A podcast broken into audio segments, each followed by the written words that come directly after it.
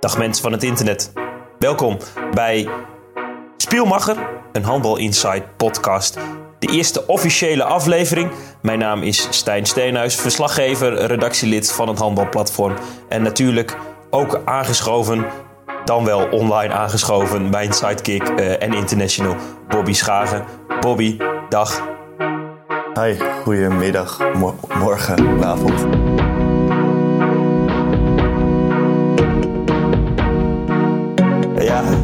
Je bent een beetje de, de tijd kwijt, geloof ik, hè? Ja, ik ben een beetje de tijd kwijt. We hebben gisteren gewonnen. En eh, dat was op een donderdag. En donderdag is best een gezellige dag in Stuttgart. We hadden vrijdag vrij, dus dat gingen we vieren. Dus Goed, man. als ik een beetje krakerig eh, klink, dan hoeft niemand zijn internetverbinding te gaan controleren. Ik ben het gewoon. Tegen Melzoenen, hoeveel is het geworden? 30, 26 is het geworden. Ja. Fijn, man. Die hadden jullie nodig, hè? Gewoon überhaupt punten. Ja, die hadden, we, die hadden we wel nodig. Ja, punten zijn sowieso lekker. We speelden thuis. We wisten dat Melzoenen wat problemen had. Ze hadden twee dagen daarvoor nog een bekerwedstrijd tegen Kiel. Dus ja, er waren gewoon kansen. Jullie roken bloed. We roken bloed, ja. Dat is gelukt ook nog. Heerlijk, man. En dan heb je een fijne avond en dan zit je zomaar op een vrijdagochtend weer te podcasten. Ja, dat is het mooiste om je vrijdagochtend mee te, mee te beginnen, toch? We hebben ons wel vermaakt, toch? Met de- de pilot-aflevering. Ja, was leuk. Veel reacties ook gehad. Was echt eh, niet verwacht dat zoveel mensen dan toch 50 minuten, of een kleine 50 minuten, naar, naar onze onzin gaan zitten luisteren. Hm, Ja, dat was zeker vet. En want het is nu ook eh, in iTunes en op Spotify. Dus voor de mensen die dit nu nog luisteren op eh, de Soundcloud op onze website. Het kan ook op Spotify en iTunes. Gewoon eventjes zoeken op Spielmacher of Handbal Inside. Ja. Ik luister het altijd in de auto. We hebben ook tips gekregen van mensen die het op een andere manier beluisterden. Ja, klopt. Ik kreeg een berichtje van, eh, van Isa Ebus. Die zei: Dit is een aanrader tijdens een saaie CKV-les. Ja, dat was wel vet. Ja, dat is wel vet. Maar ze moeten wel gewoon opletten op school. Weet je, die podcast kan je ook gewoon na school luisteren. School is wel belangrijk. Ja. Don't do it. Ze hebben wel straks boze leraren in onze, in onze inbox. Dat zou ik wel een, eh, ja, wel een checkboxje waard vinden. Dat vind ik wel een doel op zich. Ja, dat is ook wel weer waar. En Michael Lemmon eh, luisterde het tijdens het dakdekken. Ja, jezus, ja. Die zat gewoon ergens boven op een dak naar ons te luisteren. Dat is op zich ook wel een live call. Ja, ik denk dat ik dat nooit, dat nooit ga doen. Ik heb echt twee linkerhanden. En eh, helemaal als het gaat om dakdekken, nog nooit gedaan. Dus ik denk dat ik daar waardeloos slecht in ben. Ja, ik heb ook twee linkerhanden, maar het, het grootste ding is dat ik ook heel erg hoogtevrees heb. Dus dat is voor mij sowieso geen eh, ideaal beroep. En gelukkig heb jij twee linkerhanden, want anders had je misschien niet in de Bundesliga gespeeld. Ja, eentje ervan doet het wel aardig, gelukkig. Gelukkig wel, man. Hey, het EK staat voor de deur. Het is sterker eh, al eh, begonnen. Gisteravond. Frankrijk tegen eh, Rusland, het thuisland. Dus eh, in Pool B tegen eh, de Olympisch kampioen. En de Olympisch kampioen wist zomaar de thuisploeg te verslaan. 23-26.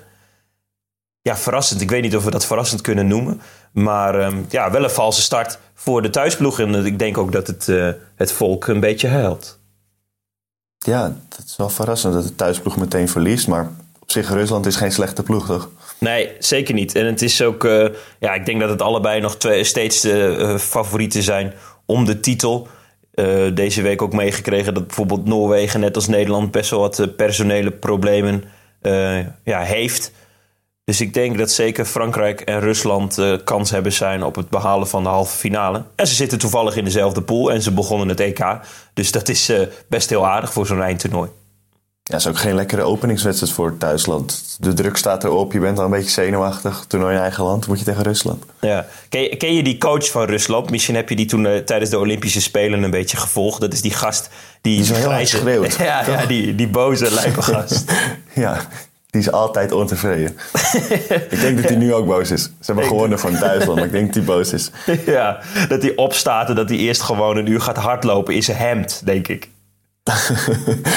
Ja, precies. Gewoon zo'n driller, weet je wel, van verdomme man, we hebben gewonnen. Wat kut. Met van die boomstammen moeten ze dan tillen in de ochtend. En, eh, zoals die Rocky-film waar die tegen die Rus moet boksen. Oh ja, ja, dat zou het zijn. Hoe, is- hoe is jouw trainer bij Stuttgart? Is dat zo'n type?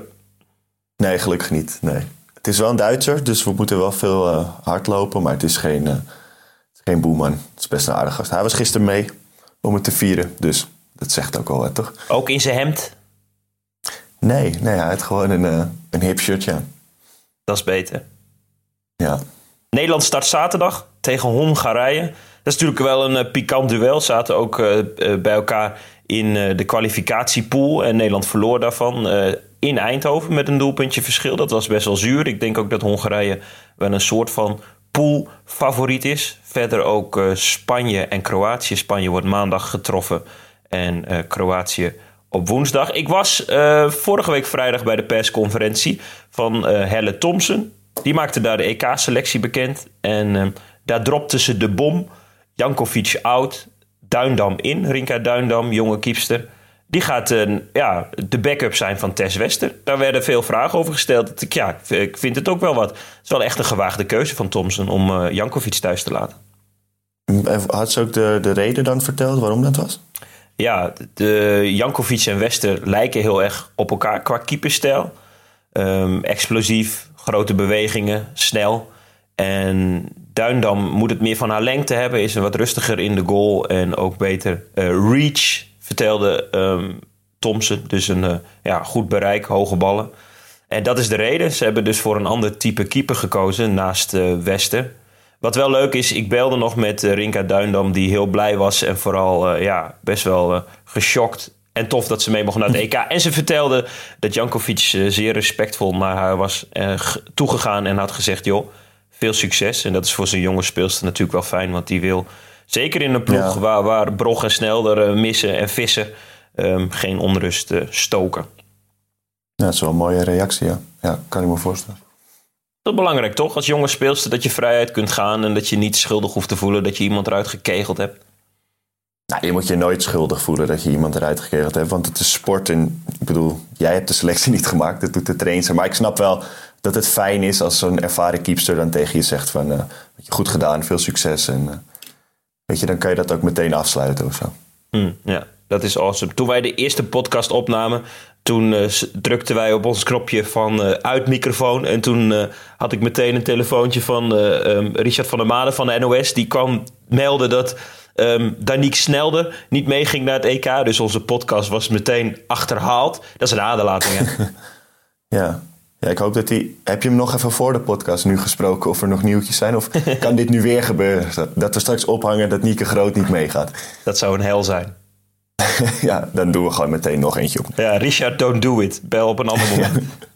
Bel morgen. Ja, ja, hoe belangrijk is. Ja, zij is natuurlijk een belangrijke schakel, uh, zowel aanvallend als in de dekking. Snelder, uh, Brogger ook niet bij.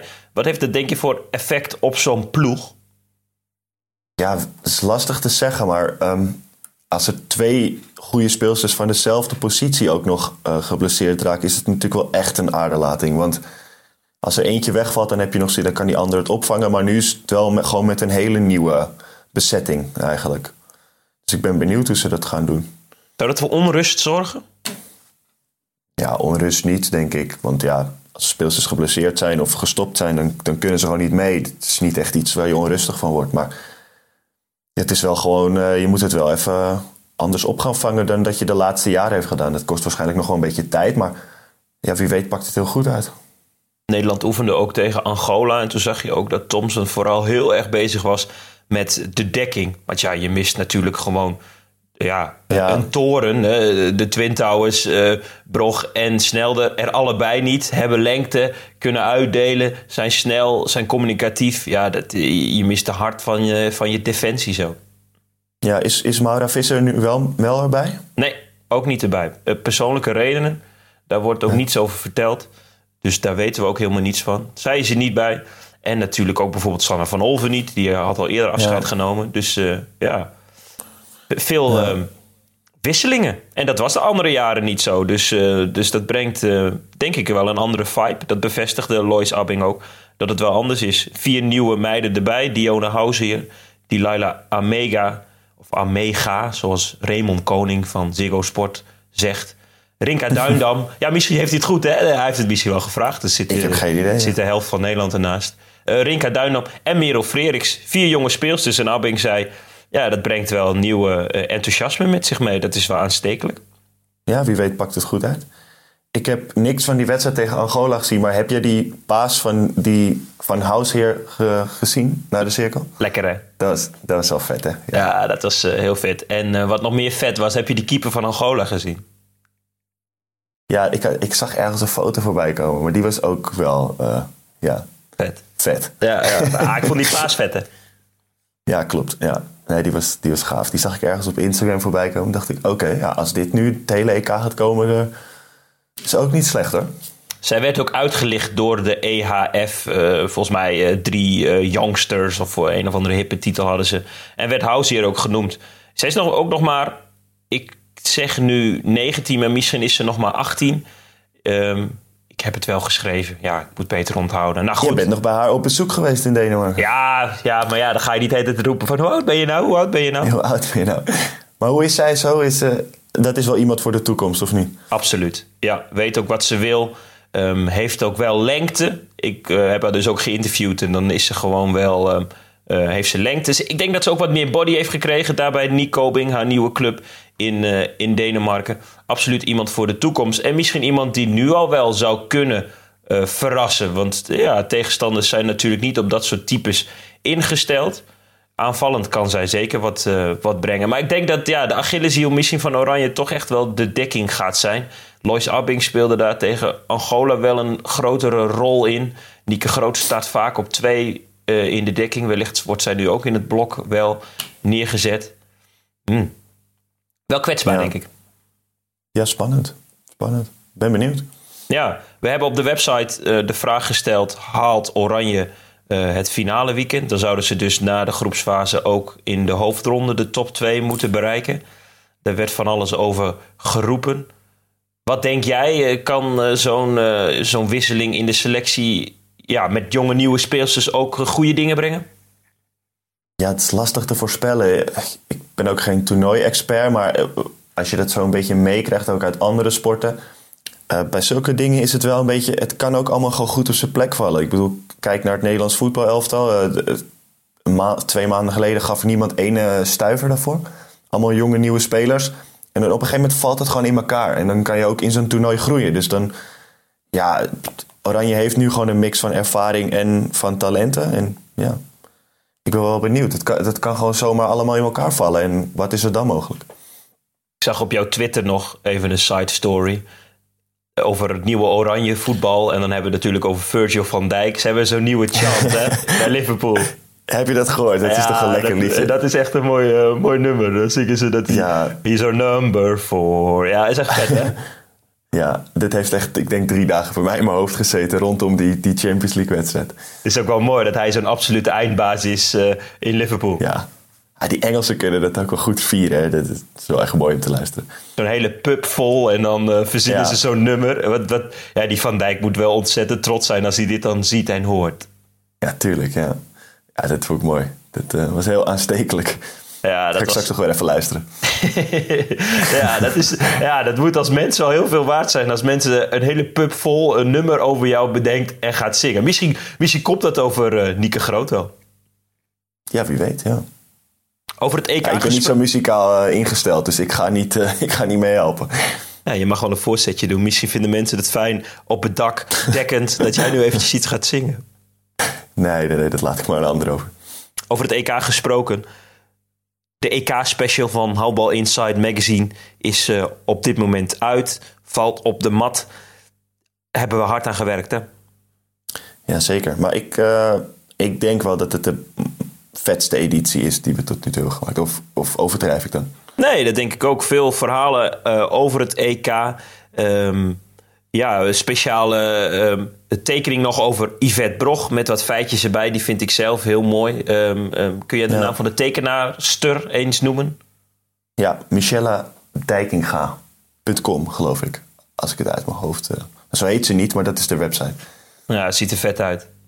Ja, Dus als mensen die niet hebben en ze willen graag nog iets meer achtergrondinformatie over het EK hebben, terwijl ze bijvoorbeeld Nederland-Hongarije of Nederland-Spanje of Nederland-Kroatië gaan zien, eh, te koop in de webshop van Handbal Deals, de vrienden van Handbal Deals.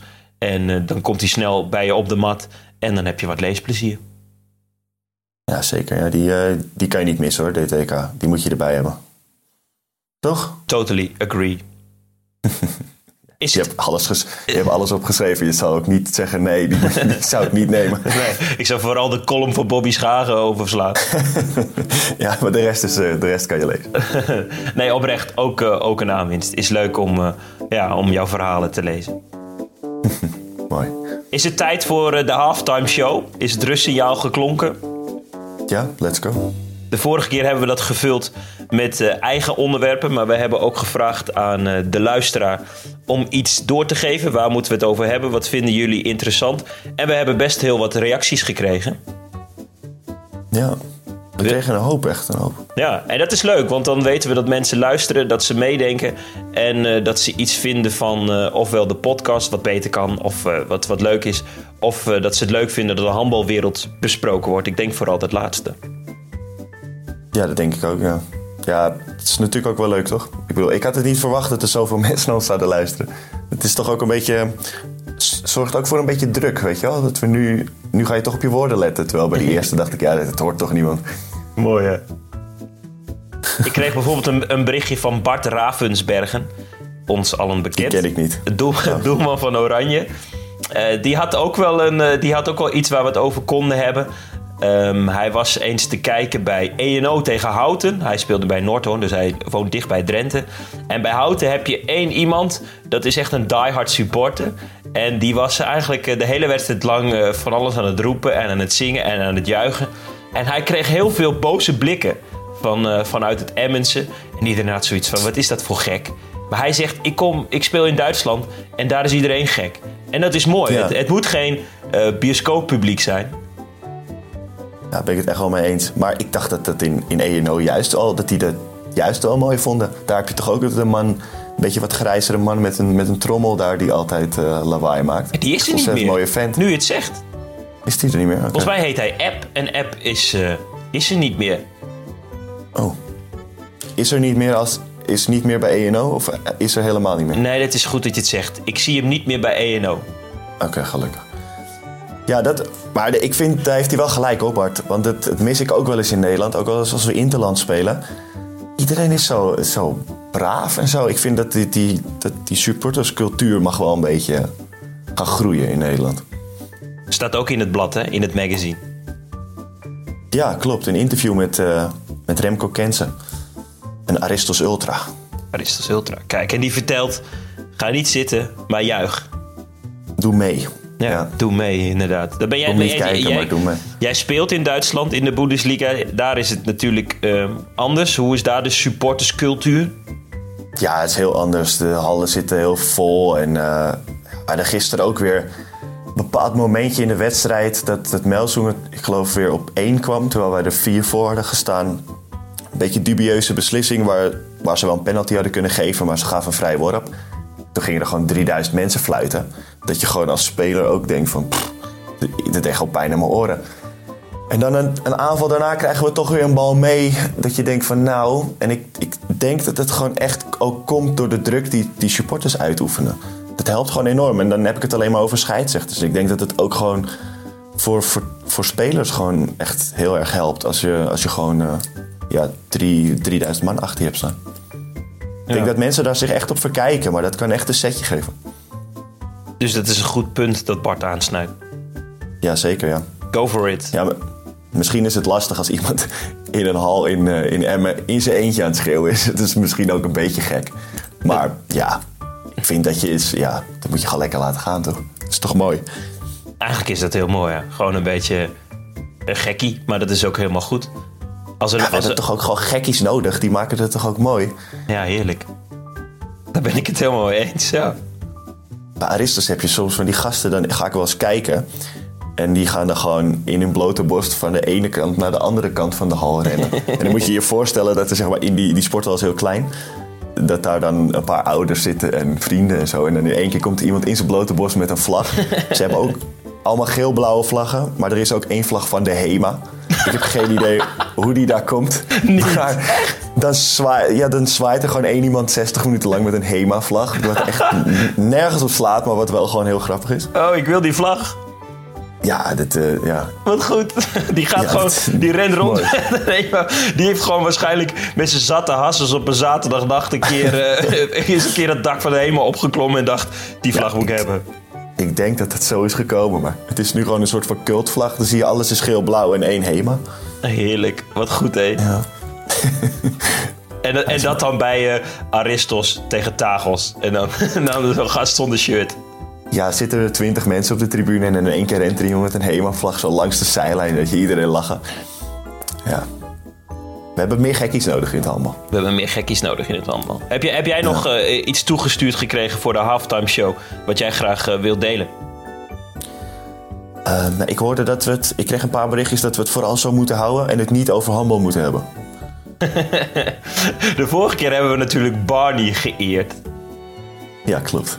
En, en ik Gaan we heb, dat elke week doen? nou ja, ik vind het wel leuk om af en toe eens eh, ehm, wat mensen te noemen... waarvan jij misschien ook een mening hebt... wat ik dan absolute bazen vind. Maar dat zijn dan geen handballers. Is dat erg? Nee, helemaal niet. We mochten het niet over handbal hebben. Ik ga nu een naam droppen. Alberto Stegeman. Ik dacht, nou komt het. Komt hij met Alberto Steegman.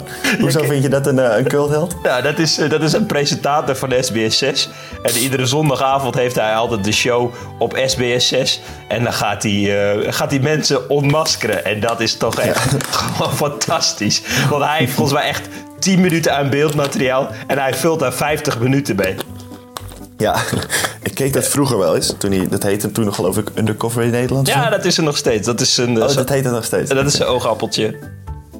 En toen eh, stond hij ergens in een loods... waar volgens mij het vliegtuig van de koningin stond of zo. dat is echt. Geniaal. Toen stond hij daar zo heel erg te fluisteren en zo. En dan moet je toch een beetje lachen. Misschien is het wel heel spannend en kan je daar helemaal niet makkelijk komen. Maar het zag er gewoon uit of hij een deur open had gedaan. Daar naar binnen was gegaan en toen heel fluisterend in de camera honderd keer zei van... Ik ben hier in de hangar van de koningin. Ja. En ik dacht alleen maar, ja gast, wat is het probleem? Weet je? En het mooiste is dat hij dan zegt dat hij dan ergens naartoe werkt en dan zegt hij: Ik loop nu naar het vliegtuig en ik kan het aanraken. En dan gaat hij het een- aanraken. stel dat ik een bom bij me had. Ja. En, en hij doet dit programma al heel, heel wat jaren. In de beginjaren was hij onbekend en kon hij dus nog als zichzelf allerlei mensen geprobeerd te flessen.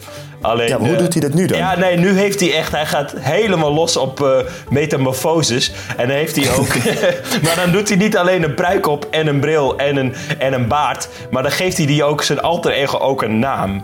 En de afgelopen jaren had hij bijvoorbeeld Eddie. En Eddie was gewoon een hele smerige gast. Met een lelijke Adidas jas aan. En dan ging hij ook de hele tijd een beetje zo praten. Ja, dat is toch ja, hij doet altijd zo heel mooi praten, ja.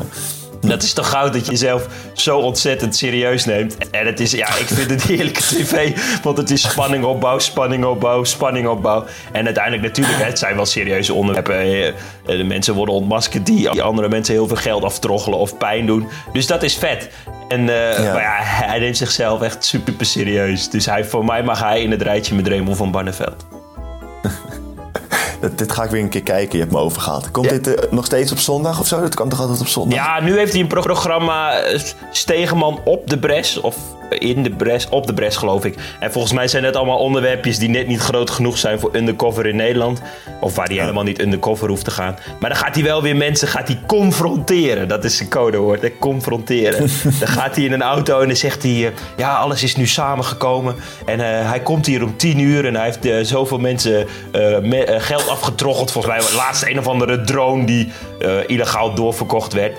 En dan gaat hij echt, eh, ja, nu. En dan stapt hij uit de auto en dan zegt weet je waar je mee bezig bent? En eh, heb, jij, eh, heb je wel door wat je die mensen aandoet? En dan loopt hij gewoon door de steeg in Vendo, loopt hij gewoon iemand gewoon 10 minuten te achtervolgen met een hele cameraploeg achter zich. Ja, dat, dat, dat vindt hij kult. Dat confrontatiemoment is wel spannend hoor. Stel je voor dat je in één keer met, dat er iemand Heel meteen spannend. En uithaalt. hij maakt het ook spannend. Ja, die zal toch ook wel een keer een klap hebben gekregen, of niet? Dat er gewoon meteen eentje uithaalt. Daar zou ik dan bang voor zijn met zo'n moment. Dat je gaat toch op iemand af en zegt... Hey, weet je wel dat jij eh, kinderporno verkoopt of zo? Dat er eentje meteen uithaalt. Dat, ik zou dat toch... Dat zou niet mijn baan zijn, denk ik. Niks voor mij. Nee, ik hou er ook niet van. Maar eh, ja, ik vind wel, wel dat hij een plaatsje moet krijgen naast Raymond van Barneveld in eh, deze podcast. Ja, prima. Gaan we een soort ranglijst bijhouden, ja? Met culthelden. Ja, ja. culthelden Ja, van de halftime show. Ja, ben ik het mee eens. Voor de mensen die dit luisteren en ook graag een cultheld willen delen, dat kan. Je kunt ook een onderwerp voor de halftime show van eh Spielmacher, een podcast van Humble Insight, doorgeven via de social media kanalen van Humble Insight. Of Bobby wil graag mailtjes ontvangen.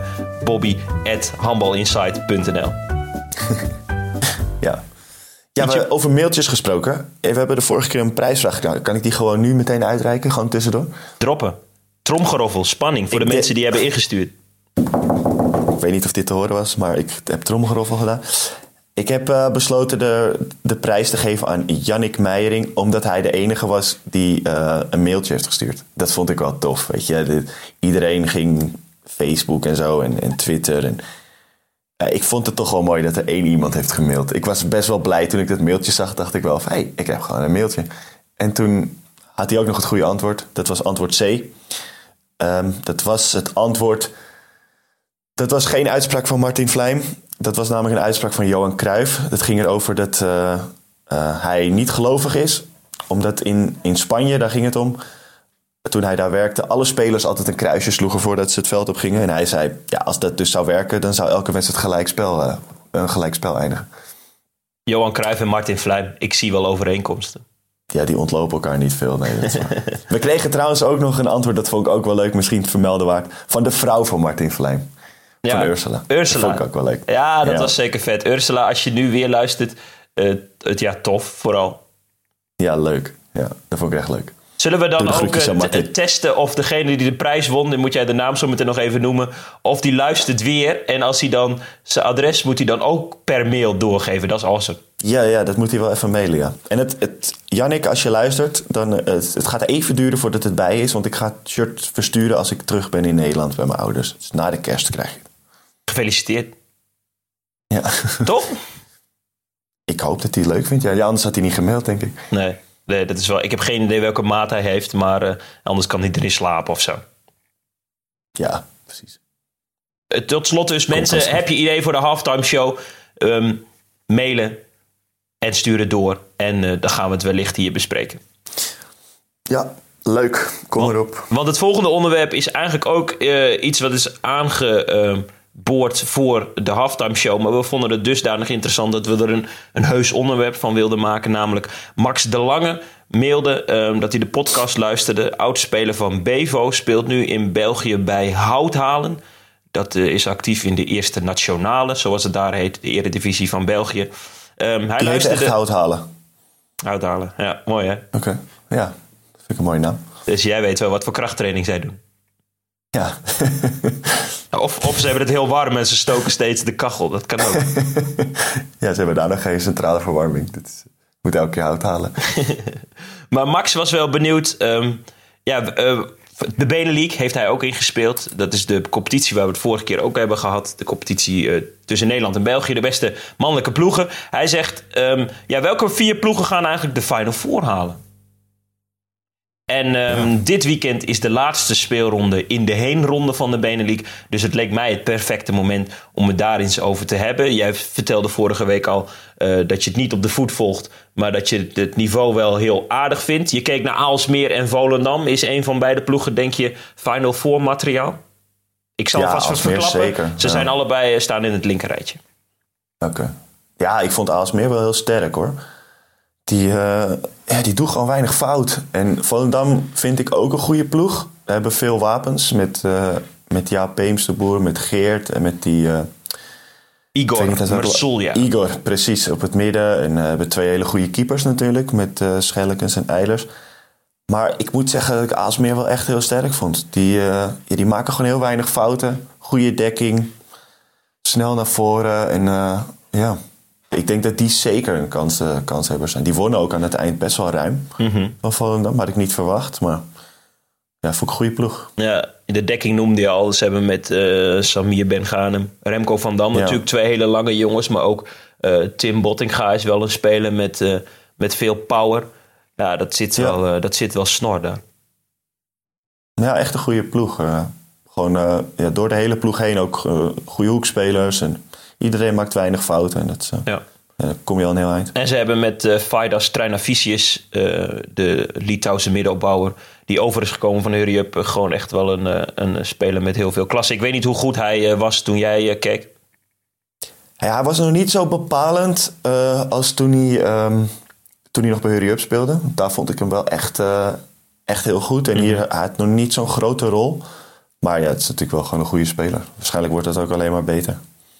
Ja, ik denk ook dat Alsmeer inderdaad uh, wel een club kan zijn die de, uh, die de Final Four uh, halen kan. Daarbij Wat zal... verwacht je nog meer? Ja, ik zou daar toch Lions bij voegen. Lions heeft wel een Ja, grillige periode achter de rug... waarbij ze toch een punt hebben gemorst... dat ze dat eigenlijk nooit zouden doen. Nu hebben ze het wel weer op de rit. En ja, met, met spelers als Joris Baart, eh, Jasper Ra- Adams. Ramos, Jasper Adams. Ja, bedoel, dan heb je het over een opbouwrij... waar je in de Benelux zeker eh, het finale Ja. weekend halen moet.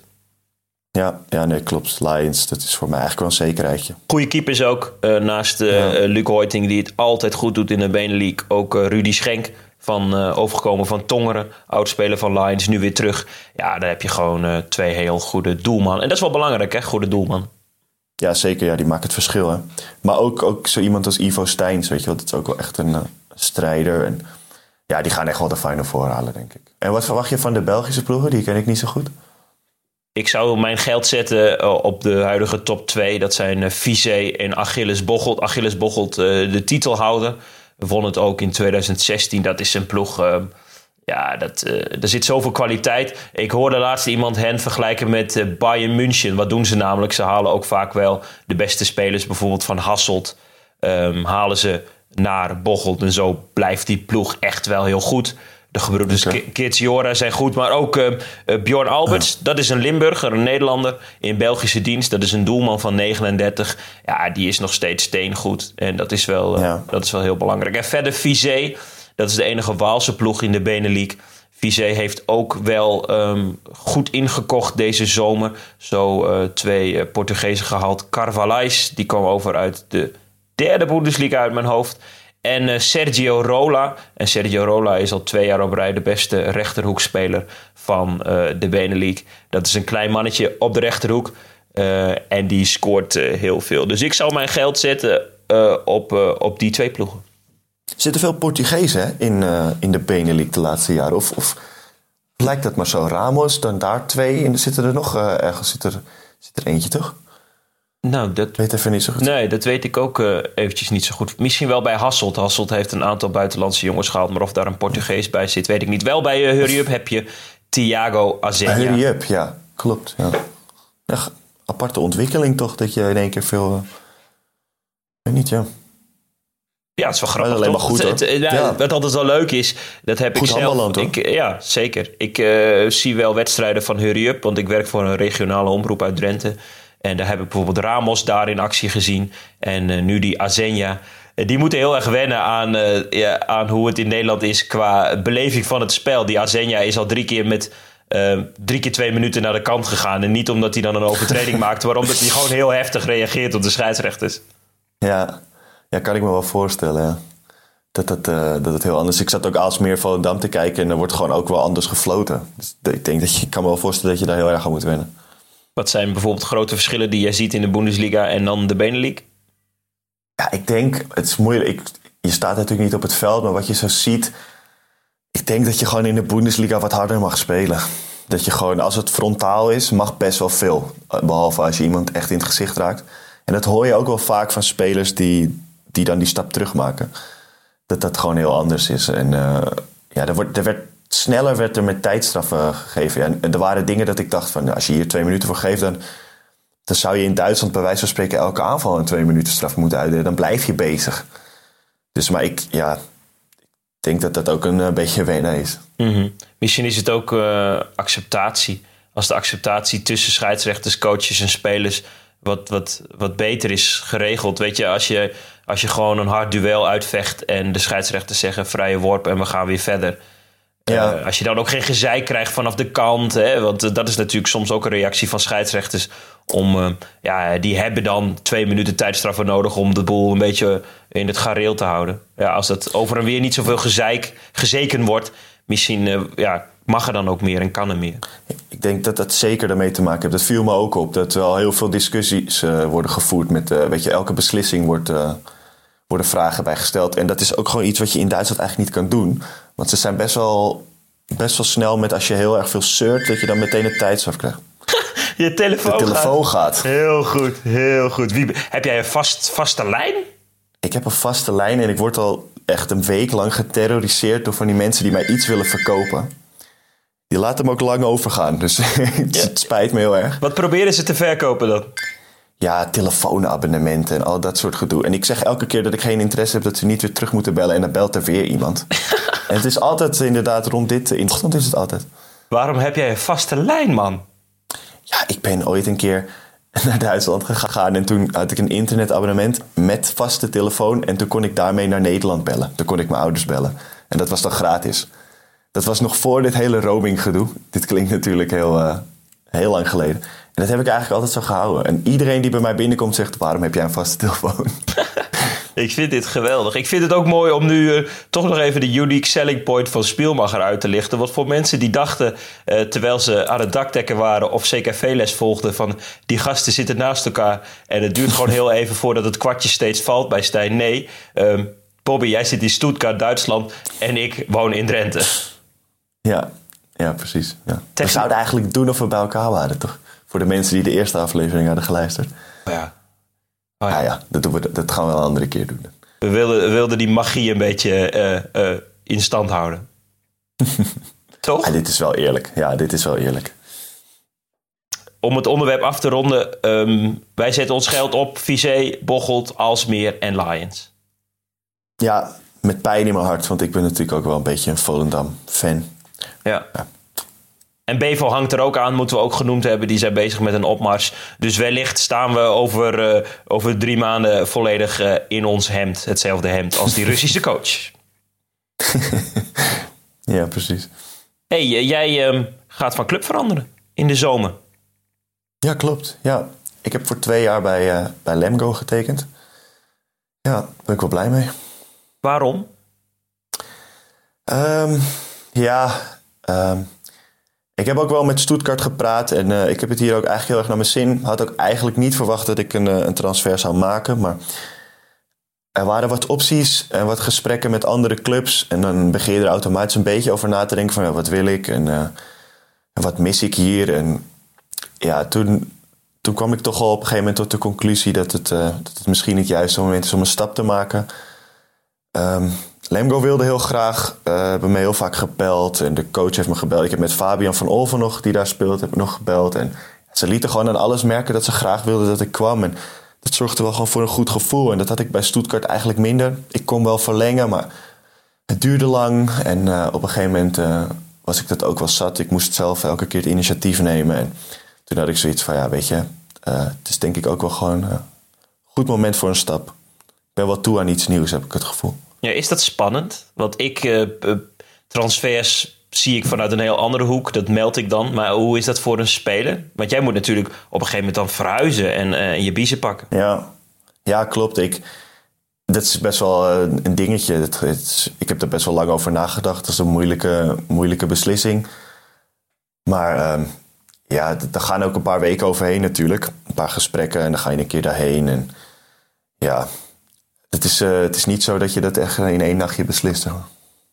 En toen kwam drie dagen later het nieuws dat een, uh, een landgenoot daar per direct naartoe gaat. Dani Bayens naar uh. Ja, mooi.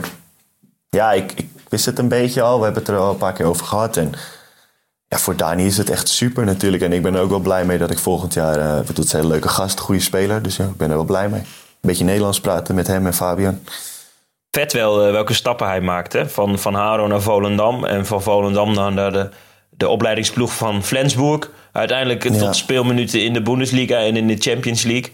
En uh, dan ja. levert hem dat deze tussentijdse transfer op. Hoe goed kan hij worden? Ja, het gaat snel met hem. is mooi, mooi om te zien. Ja, weet ik niet. Heel goed. Hij is een midopbouwer die, die uh, spelinzicht heeft en heel snel is. Maar ook echt een goed schot heeft. En dat is best wel iets, uh, dat is wel gewoon een moderne middelbouwer. Hij kan ook verdedigen. En dat zijn wel gewoon kwaliteiten die, uh, ja, die, die niet heel veel middelbouwers hebben. Dus als hij die blijft ontwikkelen, ja, weet ik niet. Ik, ik hoop heel goed. Vet dat hij nu uh, eigenlijk wekelijks hoop ik dan voor hem zijn kunsten mag vertonen op Bundesliga niveau. Ja, zeker. Ja. ja, het gaat ook echt ontzettend snel. Ik weet nog dat hij de eerste keer bij het Nederlands team erbij kwam. Toen zag je wel dat hij heel veel talent had, maar het was best wel wild nog en zo, wat ook logisch is op die leeftijd. En ik denk dat hij toen een half jaar bij Flensburg was en toen kwam hij nog een keer naar zo'n stage en toen zag je wel echt dat hij zo goed was geworden, zoveel beter. Dus ja, het is wel, wel knap en ik ben benieuwd waar dat eindigt. En het laat ook wel zien dat ook voor jonge spelers dat, dat het ook snel kan gaan als je zo'n stap zet naar zo'n club, weet je. Dat is wel mooi. Hij maakt ook deel uit van eh, de voorselectie van Oranje. Voordat we deze podcast starten, heb ik jou eh, geappt en zei ik: hey, eh, je zit er zelf ook bij. Hoe, hoe krijg jij dat eh, overigens te horen? Voor de mensen die benieuwd zijn hoe internationals te horen krijgen dat ze mee mogen op een trainingstage. het is helemaal niet zo spannend. We krijgen gewoon een mailtje met de voorselectie in het programma. En ja, soms zie ik het zelfs eerder op, op internet. Omdat het mailtje en het persbericht, volgens mij zit er niet heel veel tijd tussen. Dus het gaat ongeveer zo. Daarom houd jij zo van mailtjes.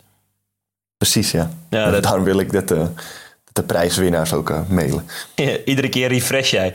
En dan denk je: ja, hoor ik erbij. Ah, geen mail. Ah, ja, hoor ik erbij. Oh, prijsvraag, ook leuk. Nee, die mailtjes van Oranje die krijgen we drie, vier keer per jaar. Want zo vaak zijn we ook weer niet bij elkaar. Dus het valt wel mee. Nee, je gaat in januari ga je naar Slowakije en Noorwegen, dat vertel ik je even. Dan speel jij eh, twee oefentoernooien. Ik las het, ja. Goede tegenstanders ook. Noorwegen, Brazilië, IJsland. Die bereiden zich allemaal voor op het WK. En eh, die willen tegen ons oefenen. Dat is wel, eh, wel mooi hoor. Ja, dat is eh, Mooie zeker, ja. zeker heel vet. 28 spelers geselecteerd. Ja, we kunnen ze niet allemaal doornemen. Ik wil graag twee namen uitlichten van, van debutanten. Uit de Benelink, Tim Bottinga van Alsmeer en, en Robin Schoenaker van Sporting Nelo, oud-speler van Swift Arnhem. Ja, dat is toch wel leuk dat ook de bondscoach goed kijkt dus, naar de Benelink. Ja, zeker. Ja, dat is ook belangrijk. Je weet Ja, het natuurlijk ja, niet of die, eh, of die gasten dat gaan halen. Hè. Ik, ik noemde het al 28 spelers. Nou ja, die ga je niet allemaal meenemen, want dan eh, zit het vliegtuig heel snel vol. En het is ook onnodig natuurlijk, 28 spelers. Dan heb je Ja, gewoon nee. eh. 21 man op de bank. Nou ja, Ja. Nee, dat zal nog wel een... ik denk dat we met een 16, 16-tal of zo zo- zouden gaan, denk ik. jij vindt het altijd wel awesome, hè? Het Nederlands team. Ja, ik vind het altijd leuk. Ik ben er altijd echt graag bij. En eh, ook zeg maar op een toernooi waar we, ja, waar we, waar het niet om iets gaat eigenlijk. Het is gewoon belangrijk, weet je wel. We spelen in, in april, geloof ik, tegen Slovenië. En is zo'n toernooitje in januari is toch gewoon belangrijk om alles weer op te frissen, tegen goede tegenstanders te spelen, nieuwe dingen uit te proberen. Ja, ik ben altijd graag erbij. Het is een leuke sfeer. Iedereen wil heel graag een beetje Nederlands praten weer. En ja, ik vind het altijd echt leuk. Ik verheug me er altijd heel erg op. En dan wellicht het EK in 220. Ja, dat is nog wel steeds het grote doel. En, ja, het zal lastig worden, maar niet onmogelijk. Dus, Dro- droom jij daarvan? ja, ik onthoud mijn dromen nooit. Maar ik kan me goed voorstellen dat ik daarover droom. Ik denk er wel veel over na als ik wakker ben. Dus misschien als ik slaap ook wel. Maar ik, ik weet nooit de volgende dag wat ik gedroomd heb. Weet jij dat? Ik droomde vannacht over Alberto Stegeman, vandaar dat ik het eh, heb eh, gemeld. Ja, dan, dan onthoud ik het toch liever niet, denk ik. Nee, nee, daar heb je wel gelijk in. Als ik daarover ga dromen, dan is het eh, goed mis. Ik denk dat ik ontzettend uitkijk. eh, naast eh, de eh, opening van het EK van Oranje... kijk ik ontzettend uit naar eh, Stegeman op de Bres. Zondagavond half tien, SBS 6. Wil je niet een keer namens Handbal Insight undercover... met een soort pruik op... dat we als een soort nieuwe verslaggever ergens heen gaan sturen? Ja, maar ja, wat moet ik dan onderzoeken? De onderwerpen Ja, die bij Stegeman op de Bres langskomen... ik hoop niet dat het in, eh, in eh, de handelwereld ook voorkomt. Er zijn niet zoveel schandalen in de handbalwereld. Dat is wel jammer. Nee, nee. Te weinig schandalen, te weinig gekkies. ja, precies. Toch? Ja, ja, ben ik het mee eens. Volgens mij zijn we bijna eh, aan het eind. Ja. Ga jij zaterdagmiddag Nederland-Hongarije kijken? Of ben je dan lekker aan het trainen? Ja, we moeten twee keer trainen. Ik weet niet hoe laat ze spelen, maar ik denk niet dat het hem gaat worden. Nee. Dan ga ik dat Ja, doen. dat is het, het enige nadeel van die donderdagwedstrijden. Het heeft natuurlijk een voordeel dat je het daarna kan vieren... omdat je vrijdag vaak vrij bent dan. Maar dat je gewoon in het weekend moet trainen. Dat is wel. We spelen heel vaak op donderdag, dus eh, ja. Het is niet anders. Nee. Ik mag niet klagen. En dan de volgende podcast. Dan weten we hoogstwaarschijnlijk al of Nederland de hoofdfase heeft gehaald. Ja of nee. Dan moeten ze bij de eerste drie vanuit een pool van vier eindigen. En de punten uit de, de poolfase neem je dan ook nog weer mee naar de hoofdfase. Dus het is zeker belangrijk de eerste drie duels eh, goed voor de dag eh, te komen. En dan komt er nog een keer een, een pool. Ja, dan gaan de, de top eh, drie van eh, de pools gaan ehm, fuseren samen in de hoofdfase. Dus dan krijg je een pool met zes, waarbij iedereen de punten heeft meegenomen vanuit eh, eh, de poolfase. Eh, Nederland kruist met pool D, met daarin uit mijn hoofd Noorwegen, Duitsland en eh, Tsjechië. Dat zijn dan twee pools van zes, heb je dan daarna. Ja, ja, en pool A en B, waaronder meer Frankrijk en, en Rusland, waarmee we deze podcast begonnen, die eh, zitten daar eh, dan ook in. En dan een kwartfinale, een halffinale. Nee, nee, vanuit de hoofdfase gaan de beste twee door vanuit die twee Ah, pools. en dan meteen een halffinale. Oké. een halve finale in eh, Parijs op vrijdag 14 december. En de finale, ofwel de strijd om het brons, eh, ook in Parijs op eh, 16 december. Dan zijn die wedstrijden nu in de pool wel echt meteen belangrijk, ja. Oui, Neem ja. je gewoon mee, ja. Spannend, spannend. Dat gaan eh, mensen die dit luisteren ook lezen bij ons op de website. Eh, zoals ik vorige keer zei, voor, na, tussenbeschouwing. We proberen daar eh, zo dicht mogelijk bovenop te zitten, zodat je niets hoeft te missen. En via deze podcast zullen we ook nog weer wat dingetjes belichten. Ja, leuk. Moeten we nog een keer aangeven? week. Ja, moeten we nog een keer aangeven dat mensen de halftime show vooral kunnen vullen? Bereik ons. En, eh, en een korte shout-out naar technicus Jasper Steenhuis voor het mogelijk maken van deze podcast. Ja, leuk. Misschien kan hij nu aan het einde dat nummertje van Virgil van Dijk er nog even in, in mixen. Ja, Of vragen we dan te veel van Jasper? nee, misschien kan hij dat er wel in mixen. Dat lijkt me leuk. Dat zou, dat zou leuk zijn. He's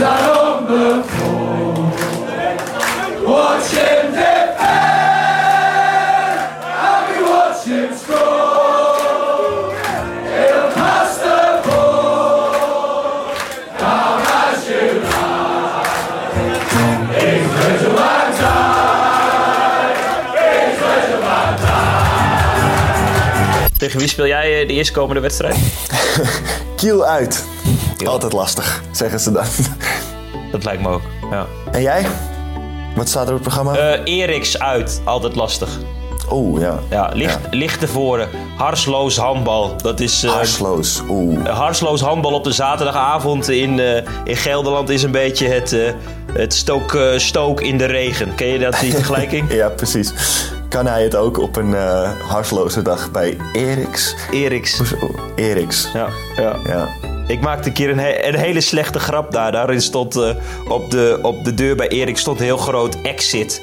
Toen zei ik, hé, hey, ze spellen hun, hun clubnaam heel verkeerd. En toen kwam iemand naar me toe en die dacht echt dat ik het serieus neem. Die zei, er staat exit. uitleggen. Ja, ja, mooi was dat. ja, mooi, mooi. Ja, succes zonder hars. Pwah. Daar moet ik even niet meer aan denken hoor. Nee, nee, nou ja, gelukkig eh, ben jij zo goed eh, dat je daar niet meer aan hoeft te denken. En ik speel slechts hoofdklasse. Dus eh, ja, helaas is dat mijn lot. Heb je nog een soort van speciale techniek die je dan... Of ben je anders gaan handballen? Of ga je anders handballen? Ja, Trainen dus- jullie de weken voor zonder hars? Ja, jullie precies soort dat. van... En dat is zo vervelend, want dan is het al een kwelling dat je zonder hart speelt. En dan ga je ook nog de hele week trainen zonder hart. Oh, wat een hel. Ja. Ja, dat Nou ja, is, eh, succes. is niet echt leuk. Maar ja, het is de eeuwige discussie. Hè? Mensen die eh, f- tegen hard zijn en dit luisteren, die zullen wel denken van, eh, wat, wat piept hij nou? Ja, eh, daar gaan we niet uitkomen, denk ik. Nee, ja, gelukkig... eh, ik hoorde dat de zaalbeheerder in Kiel... eh, vrij makkelijk is. Dus we mogen geloof ik gewoon met haar. Ja, dat is, eh, dat is wel heel vet, man. Dat eh, gun Ja, je. fijne man is dat. Ja. Een Bundesliga-wedstrijd zonder hars. Allemachtig. Dan hebben we misschien wel kansen tegen zulke ploegen. Je weet het nooit. Je weet het nooit. Bobby, ik zeg eh tjus. Auf Wiedersehen. Auf Wiedersehen. Succes dit weekend.